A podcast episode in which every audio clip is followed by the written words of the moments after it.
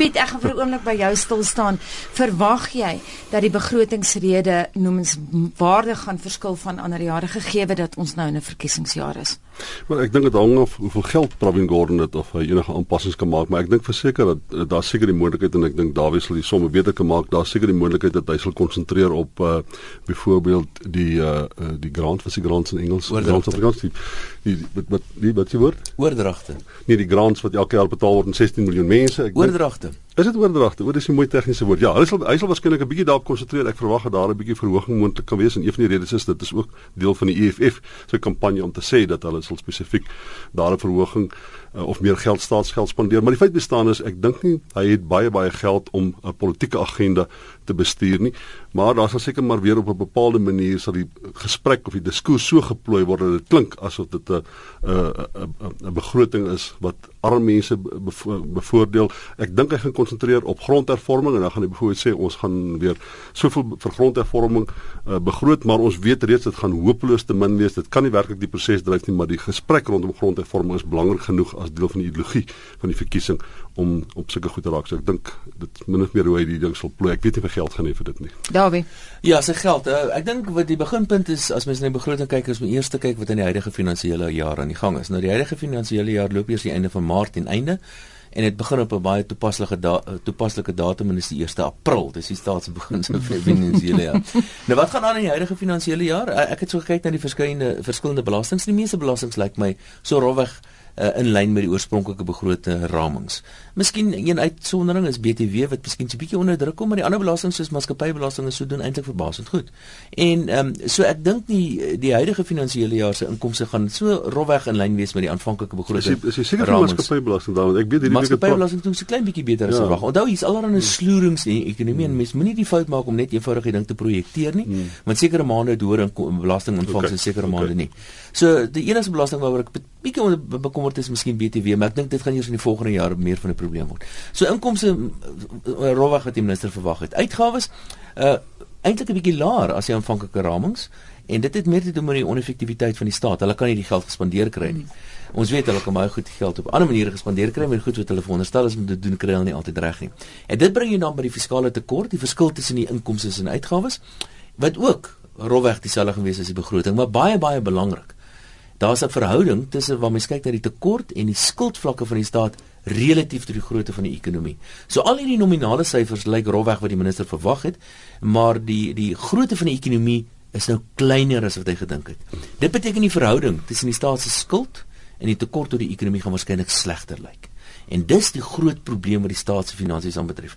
Die staat se skuldvlak het die afgelope 4 jaar meer as verdubbel. Nou teen die huidige tendens is dit net eenvoudig nie handhaafbaar nie. En dit bring mense eintlik by die volgende jaar se begroting. So gegee hierdie realiteite en gegee ook 'n Suid-Afrikaanse ekonomie wat maar vrotterig presteer. Hoe wat kan mens verwag in die begroting? Nou wat belastinginkomste ons aanbetref, dink ek nie die groot belastings kan die minister aankarring nie. Die enigste belasting as hy meer geld wil hê, is om BTW te verhoog en dit is polities net nie doenbaar nie. So die ander belastings, hy kan nie hy kan persoonlike inkomstebelasting verhoog, maar hy gaan nie meer geld kry nie want die enigste inkomste wat hy kan verhoog is vir die hoër inkomste groepe en daar's nie genoeg van hulle nie. So selfs al verhoog hy die marginale koers, gaan hy beswaarlik meer geld inkry. Hy kan dit om politieke redes miskien doen. So die enigste ander belastinginkomste wat hy kan verhoog, dit gaan nie noemenswaardig veel vir hom inbring nie, is goed soos byvoorbeeld die brandstofheffing, dit gaan verhoog word, die verskillende sonnebelastings, die uh en en die pad uh, die padongelukke fonds en dis meer. Maar daar's nie werklik waar ruimte vir die minister om belastings as sulks te verhoog nie. Hmm. Wat die uitgawes aan betref die gewone ou goederes, goed soos byvoorbeeld gesondheidsdienste, onderwys en so gaan meer kry en so aan. En dit bring mense dan by die fiskale tekort. Nou dit dink ek gaan maar gaan hy weer 'n keer dit nog verdere jare wat uitstel. Daai onvermydelike konsolidasie wat ons moet hê in in die staatsfinansies gaan hy maar net weer 'n keer jaar uitstel en dit beteken dat die staatsfinansies word eintlik minder handhaafbaar soos wat ons hierdie onvermydelike konsolidasie verder en verder uitstel. Dawie, ek wil vir 'n oomblik by jou bly Piet, wag net geduldig, mhm. ek is nou by jou met die politiek. Kom ons gaan net terug na wat ons in die inleiding gesê het, Dawie, ons het gepraat oor dit is natuurlik 'n toespraak wat in die aanloop tot die 7 Mei verkiesing gaan plaasvind. Is daar afdelings van die begroting wat potensiële kiesers spesifiek sal dophou? Maar ek dink die belangrikheid die belangrikste uh, inkomste aan, aan die belastingkant. Die belang, belangrikste inkomste vir die minister van finansies is persoonlike inkomstebelasting. En ek het vanoggend 'n interessante syfer gesien, ehm um, wat deur solidariteit bereken Piet uh, Leroux bereken is. Mm. En is heeltemal korrek. Mense wat 140 000 rand of meer verdien, dra 90% van die persoonlike inkomstebelasting by. En dit is die middelklas. So die persoonlike inkomstebelasting is by verre die belangrikste inkomstebelastingbron van die minister van finansies. Maar onthou nou, dit is daar verskillende inkomste kategorieë of blokke in persoonlike inkomstebelasting. En soos wat jou salaris verhoog so, as gevolg van inflasie, kan jy baie keer in 'n volgende inkomste kategorie inskuiwe uh sonder dat jy werklik in reële terme beter af is gevolg as gevolg van belasting. So die minister van finansies sal tipies elke jaar hierdie blokke aanpas om te voorsien vir inflasie. En ek dink dis waar hy ons gaan vang. Hy het dit in die verlede ook al gedoen. Hmm. Hy pas nie hierdie blokke voldoende aan nie. So eintlik is hier 'n belastingverhoging wat plaasvind maar ons kan dit nie gewoonlik sien nie behalwe as jy die behoorlike sommetjies gaan doen. En dis 'n triek wat ministers van finansies die hele wêreld doen. Vinnige vraag, jy het nou verwys na die middelklas. Hoe groot is die Suid-Afrikaanse middelklas? Uh wel persentasie gewys, uh, daar is Kom ons kyk na die aantal belastingbetalers. Daar is ongeveer 12 miljoen geregistreerde belastingbetalers. Daar is ongeveer so 4 miljoen belastingbetalers wat werklik waar persoonlike inkomstebelasting wat wel belasting betaal. En maar daar's eintlik maar net 'n miljoen van hulle wat werklik waar by verre die grootste gedeelte betaal. Dit sê nou maar 85 tot 90% word deur 'n miljoen persoonlike inkomstebelastingbetalers betaal en om die ding net in perspektief te stel, daar's bykans 17 miljoen mense wat oordragte of die sosiale grants of die hmm. sosiale oordragte ontvang. Dit gee mense nogal 'n rowwe idee. Ek het 'n berekening gedoen, die belasting uh, stelsel in Suid-Afrika en ek moet hierdie woord gebruik is dramaties progressief. Met ander woorde, die ouens wat in die hoër inkom en nou praat ek nie van vreeslike hoë inkomste groepe nie, maar die ouens in die hoër inkomste groepe betaal dramaties meer soos wat jou inkomste styg. En nou soos jou inkomste laag raak, betaal jy dramaties minder. En aan die ontvangse kant van die staat se kant, met ander woorde waar die staat sy geld spandeer, is dit reeds die armer mense wat by verre die heel meeste voordeel kry en die ryker mense dramaties minder. En as jy hierdie berekening doen, dan kom jy agter die staat se is dramaties herverdelend in die land. Die staat is 30 meer as 30% van die hele ekonomie. Piet, ek het nie van jou vergeet nie. Tot hoe mate is die begrotingsrede elke jaar nou 'n ekonomiese gebeurtenis en tot watter mate is dit politiek? Maar dis nou moeilik om te sê in persentasies, maar dit is verseker soos ek dink soos Dawie sê jy jy jy onttrek geld waarskynlik in die middelklas uit en jy spandeer dit op die armklas en die middelklas tipies in die verlede is nie noodwendig geassosieer met stem vir vir die ANC nie. Om waar te sê die grootste deel van die mense wat vir die ANC stem is waarskynlik werklose mense. Daar's 8 miljoen hmm. van hulle in Suid-Afrika en die werkersklas soos jy self nou aangedui het is baie baie klein selfs vakbonde is baie baie klein Suid-Afrika het nie eintlik 'n baie groot teenwoordigheid van vakbonde in die breë terme van die ekonomie ek dink is maar iets soos 22% van die werksmag is maar mm. in in in vakbonde vasgevang so eintlik is die werklooses is die werklike mense wat die ANC verkiesing na verkiesing instem so ek uh, maar ek ek moet vir jou sê ek ek vermoed uh, die begroting is 'n bietjie meer tegnokraties as dit as om bloot geld te vat by een kant en te spandeer by die ander kant ek dink alle begrotings reg oor die wêreld waarskynlik word die word word word dit maar so gedoen. Vir my is die vraag in watter mate het die middelklas uh die kapasiteit om dan die las van die laer klasse dra en ons weet soos jy nou self kan aandui dat die die werkers die mense sonder werk is amper drie keer so groot as die wat werklik werk het in Suid-Afrika. Net 'n interessante verskynsel. Onthou net die afgelope tyd het baie net die staatsdiens eintlik 'n werkskeppingsorganisasie geword en baie van hierdie mense raak al meer en meer stem vir die ANC tipies. So daar's 'n hmm. groot gedeelte van die middelklas, tipiese staatsamptenare wat eintlik ANC stem. Daar's daar's 3.1 miljoen mense wat in die staat werk as ek dit reg het. Watter watter van hierdie groep mense kan jy tipies as middelklas beskryf. Ek sou sê die meeste van hulle is my middelklas. Uh, staatsamptenare net so terloops is hopeloos oorbesoldig in vergelyking met die private sektor. Hmm. So tussen 30 en 40% gemiddeld meer ja, besoldig ja, as die private sektor. En is dit ook in vergelyking met wat wêreldwyd gebeur? Nee, wêreldwyd is staatsamptenare en teoreties behoort staatsamptenare minder besoldig te wees. En die rede daarvoor is eenvoudig omdat hulle minder risiko neem. Ja, maar hoe vergelyk ons besoldiging oorbetaal. van ons werkers oorbetaal? Ons is oorbetaal in vergelyking met die res van die. En as jy die parastatale bysit in Suid-Afrika, dan is hulle 46%. Dan klim dit selfs met 'n verdere 10% wat wat staatsamptenare saam met parastatale meer betaal word as vir vergelykbare posse in die private sektor. En daar wie jy glo nie dis 'n goeie ding nie. Dis sekerlik nie 'n goeie ding nie. Die realiteit is is dat die belastinglas op die Suid-Afrikaanse ekonomie dramaties toegeneem. Die staat lê soos 'n nat kombers oor hierdie ekonomie. Die oneffektiwiteit van die staat kyk maar net na die ouditeur-generaal se verslag byvoorbeeld hmm. is is uiters ondermynend vir die Suid-Afrikaanse ekonomiese prestasie. So nee, die staatsies waar die staatsiens veronderstel is om die ekonomie te ondersteun, is dit in baie gevalle in Engels dan bekend as 'n double whammy. Ons betaal vreeslik baie belastings mm. en ten, en na na boop dit het ons 'n staatsdiens wat in baie gevalle eintlik die ekonomie ondermyn terwyl die staatsdiens veronderstel is om 'n ekonomie te ondersteun. Ek lees nou eendag op Reuters dat die Swede hulle um hulle um, inkomste baie gaan verhoog hulle belasting en hulle betaal al klaar vreeslik baie belasting maar hulle kry baie daarvoor nou wil ek vinnig terugkom na wat jy nou-nou gesê het Dawie jy het verwys na ons kan brandstofheffings verwag en jy het verwys na die slegte nuus kan ons verligting verwag? Gaan die minister vir ons verligting gee op een of ander manier. Kan ek net 'n opmerking maak oor die Swede, die die Noord mm, Noordiese lande? Tipies wat gebeur daarso is alhoewel hulle belastinglas baie hoog is, mm. word hy staatsbesteding op die private sektor gespandeer en byvoorbeeld onderwys in baie van die Noordiese lande is eintlik geprivatiseer op 'n groot manier. So moenie dit verwar met 'n noodwendige groot rol van die staat nie. Mm. Verligting? Ja, daar's 'n paar verligtings. Daar gaan 'n klein bietjie aanpassing wees in die laer inkomste groepe persoonlike inkomstebelasting, maar die minister kan nie werklik waar nie, want dis waar sy inkomste vandaan kom. Sy inkomste kom van die 150 200 000 per jaar inkomste. Hy kan nie hulle belastinglas verminder nie want dan het hy nie meer geld nie. So hy kan nie werk, maar daar gaan 'n bietjie van 'n verligting daar wees. Die werklike verligting gaan meer in die uitgawe kant wees. Met dan oor verhoging in die in die in die oordragte en dis meer. Maar die minister is in die moeilikheid hierso. Hy het eenvoudig net nie geld nie.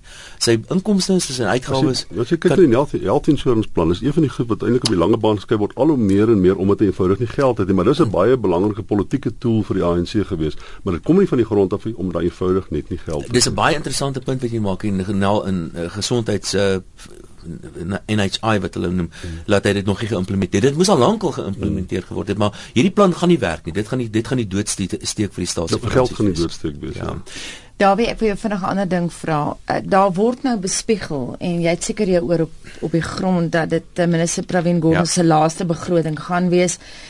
Indien dit wel eerstens hoor jy hierdie gerugte en indien dit wel so gaan wees kan mens sekerlik verwag dat hy sy stempel sou wou afdruk daal.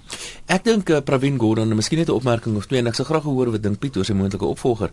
Trevor Manuel was 'n political animal en hy het baie politieke ondersteuning gehad van sy van sy presidente toe.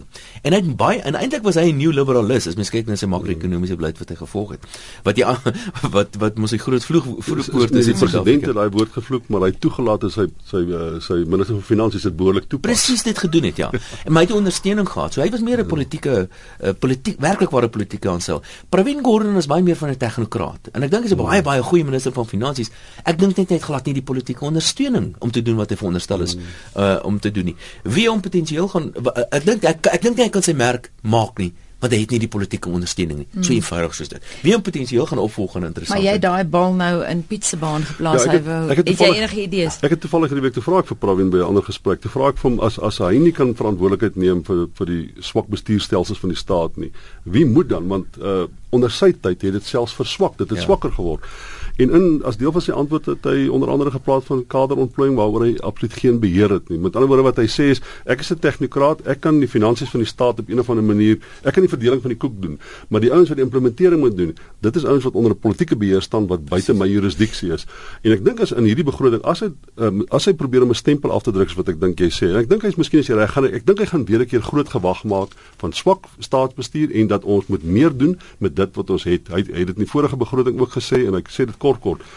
Maar ek dink nie hy het die die gesag om dit self te doen nie.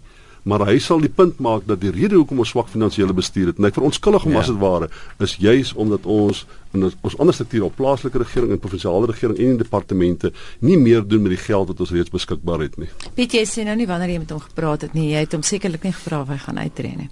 Nee, die die, die gesprek was onder andere daar gewees en die, uh, ek was so 2 maande gelede het ek op Twitter gesê dat ek dink ehm uh, Tito Mboweni het mm. plan om terug te kom en ek ja. dink nog ek dink nog steeds hy het ja. en jy sal onthou toe hulle vir Tito Mboweni dit vra toe sê man ek is 'n lid van die NEC jy weet en daar was nog geen gesprek mee gevoer word ge, gevoer gewees nie ek dink die kernwoord het gelê ek is 'n lid van die NEC van die ANC want ek weet daar binne was die gesprek gewees in die eerste plek met die departement van finansies miskien 'n bietjie meer uh, swart word en die tweede plek uh uh dink ek het hulle gedink dat Tito Mboweni het die agtergrond en hy is ook daar's daar's twee groepe binne in die NEC daar's twee groepe binne in die ANC nou vaardig. Die een is wat jy kan noem die ouens wat sê maar Suid-Afrika of die land moet beter bestuur word en dit sal die ANC in 'n beter posisie plaas in die toekoms. Dan's daar ouens wat geassieer word met 'n meer populistiese aanslag om die ANC weer te konsolideer.